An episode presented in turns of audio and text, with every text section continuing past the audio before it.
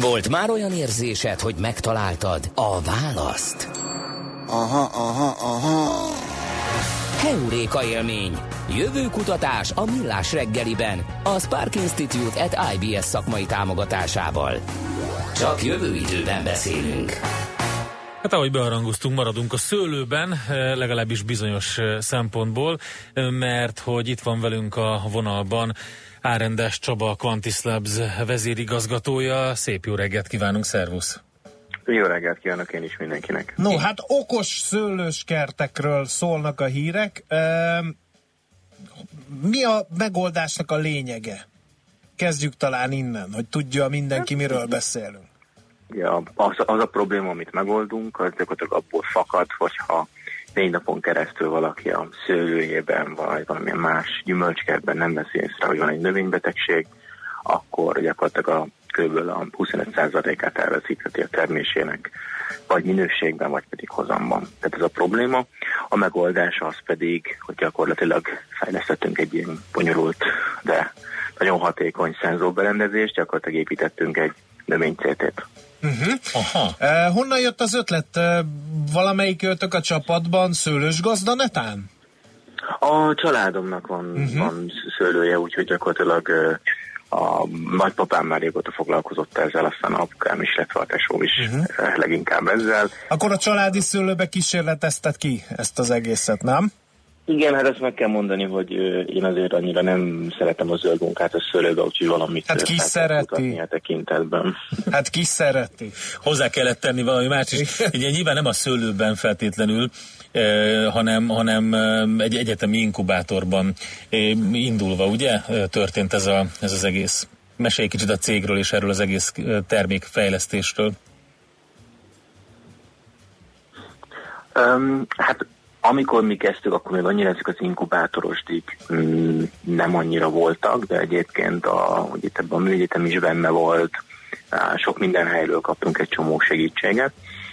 De próbáltuk ezekből a, a legegyszerűbben összeszedni, tehát például mi kerítettünk pénzt, pénzt például még Csilléből, Csillétől is, a mm, Startup Chille programból, elég kacifántosan, és hát nyilván amilyen, amilyen eszközök rendelkezésre álltak, vállaltunk be bérfejlesztést, um, EU-s pályázatokon is indultunk, és nyertünk is, uh, illetve utóbbi időben már vontunk be uh, befektetői pénzt is. Uh-huh. Minden ilyennek, hogy ezért megvan egy uh, kicsit fókuszrontása, tehát hogy ezek mindegyik, tehát a pénz az nincs ingyen, vagy vagy ilyen komoly dokumentációt kell hozzá csinálni, vagy pedig hát meg kell győzni egy csomó mindenkit, hogy, hogy ilyen, ilyen területen fektessen be.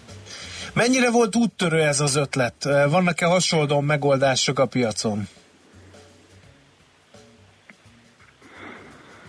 Egyre több megoldás jelenik meg a, a, az agrár high-tech területen. Most azt még azért el lehet mondani, hogy jelenleg azért a, ugye mi, amit mi csinálunk, az igazából a terepen lévő méréstechnika. Tehát ezek, ezekből azért még relatíve elég kevés van. Tehát még mindig a földeknek a ö, mondjuk 99%-ában nincsen gyakorlatilag ilyen méréstechnika. Ha mondjuk összehasonlítjuk, hogy mi minden van egy traktoron, na ott azért már sokkal több minden van, tehát nyilván ott, ott ö, nehezebb lenne versenybe rúgni, ö, vagy hát nyerni is, de ezen a területen még, még igencsak úttörőnek számítunk. Milyen technológiát használtok fel? Hogy kell ezt az egészet elképzelni pontosan?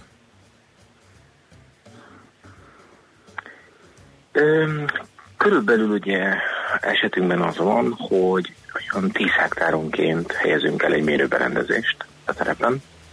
Ez egy ilyen, hát egy ilyen emberméretű eszközre gondoljatok, hát mindenféle szenzorokra. És ezek ugye folyamatosan mérnek, tehát télen-nyáron, ö, éjszaka és nappal, a nap 24 órájában. És itt mérünk ilyen egyszerű dolgokat, hogy hőmérséklet, páratartalom, de aztán sokkal-sokkal komplexebbeket, tehát a GPS koordinátától elkezdve um, különböző levél fölötti szenzorokon át, um, vannak ilyen lombozat szenzoraink, um, rovaroktól elkezdve mindent, és ebből a hatalmas mennyiségű adatból, uh, ugye ez egy jó nagy Excel, Excel tábla, ha így Hát nézünk, igen. Emellett adunk egy döntéstámogatást, ami, ami gyakorlatilag ezeknek a, a lényeg kiemelése, a legfontosabb információknak a megjelenítése. Ez elég, elég összetett tud lenni, hiszen itt relatíve kevés idő van arra, hogy eldöntsük azt, hogy mikor, mi ellen, mennyit, mivel és hol kell permetezni. Hát az biztos, Igen. hogy egy ilyen támogatási rendszert nagyon mm, szívesen látna sok gazda, de vajon honnan kapja az erőforrást ez a emberméretű eszközről van szó, tehát nem ilyen kis felragasztató napelemes, kis... napelemes. Kénytelenek voltunk napelemre átállni, mert tipikusan azért van egy csomó olyan terület, ahol értékesítünk, ahol az mindenféle egyéb lehetőség, hogy, hogy energiához jussunk, tehát azért senki sem szeretne itt kábelt fektetni, meg, meg egyebeket.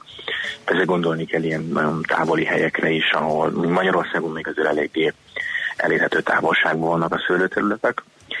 Um, és kvázi az adatokat ugye feltöltjük, van sok helyen uh, szervereket bérelünk, és a felhasználó az pedig egy böngészővel, vagy hát valamilyen internetes eszközzel tud hozzáférni az adatokhoz illetve a döntés.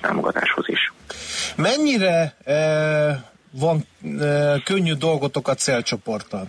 Ezt azért kérdezem, mert amikor a Nemzeti Agrár, Digitális Agrárstratégiáról beszélgettünk, akkor a generációknak a problémái jöttek elő, hogy azért a mezőgazdasági termelőknek egy jelentékeny része az idősebb korosztályba tartozik, akik nem nagyon használják, nem mi készségszinten még az okos telefon sem, nem nagyon tudják, nem nagyon bíznak benne.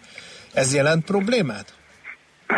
Én ezt egy picit azért másképp látom. Igaz, hogy ez a, ez a prekoncepció szerintem általánosságban, de azért ne felejtjétek el azt, hogy ugyanezek a gazdák vásárolnak nagyon high-tech traktorokat is, és különböző megművelő eszközöket.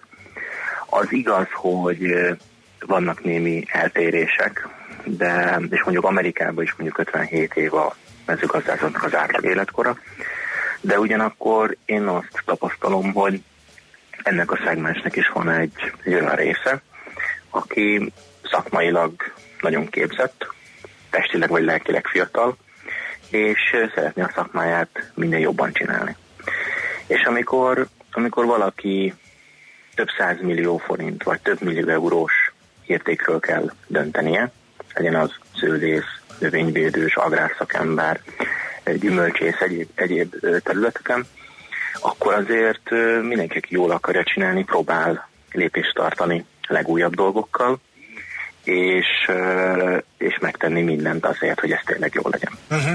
Az igaz, hogy ezért vannak eltérések, tehát mondjuk, mondjuk például Amerikában, de most az Egyesült Államokban mondjuk mindenki. Én is csak ott iPhone-t láttam, tehát ilyen tekintetben uh-huh. Azért, azért van az új világban nagyobb a nyitottság, ez kétség kívül jelenthető. No, uh, és bocsánat, ugye, az új világ, az jó, jó pont András, ugyanerre András, akartam Csille. rákérdezni, hogy mennyire uh, harapott rá uh, a nagy bortermelő országok közössége a megoldásatokra. Hát a ráharapással azzal, azzal, azzal nincsenek uh, problémák, úgy gondolom.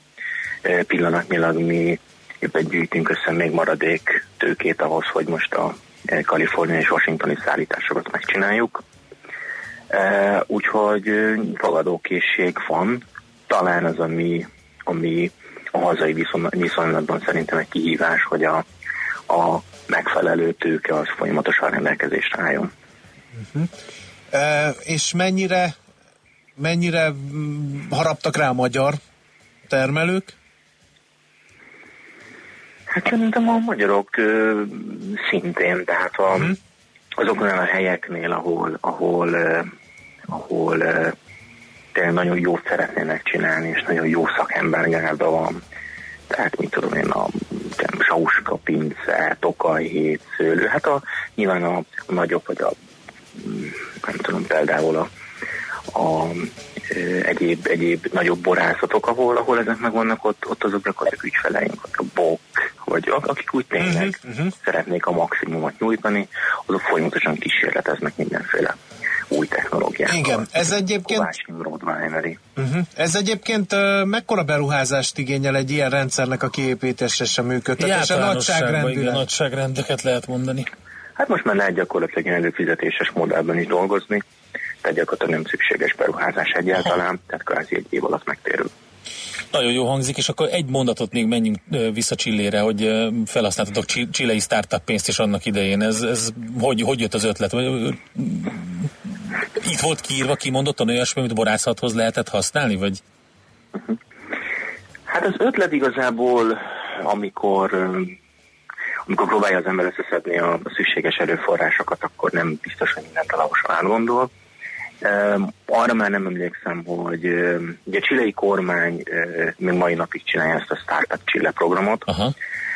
Ott inkább a startupok finanszírozása volt előtérben, nem feltétlenül a borászatoké. És hát csábító volt a, a azt hiszem 40 ezer dollár volt az az, amit Aha, értem. gyakorlatilag egy ilyen tőkementes pénz. Az an, annó abban a pillanatban úgy gondoltam én is, hogy hú, hát ez valami ez mennyiségű pénz, és hát így odaadják ingyen, meg stb. Hát ma már, amikor valaki ugye hardware gyárt, már egy csomó mindent, akkor azért, azért ezek, ezek nem olyan nagy volumenű pénzek, tehát sok pénz kell ahhoz egyébként, hogy, hogy high-tech területen hardware gyártson valaki. Hát ezt elhiszem, de az jó volt így uh, indulásnak, és akkor meg, meg is maradt a kapcsolat Csillével, vagy ennyi volt a, annak idején?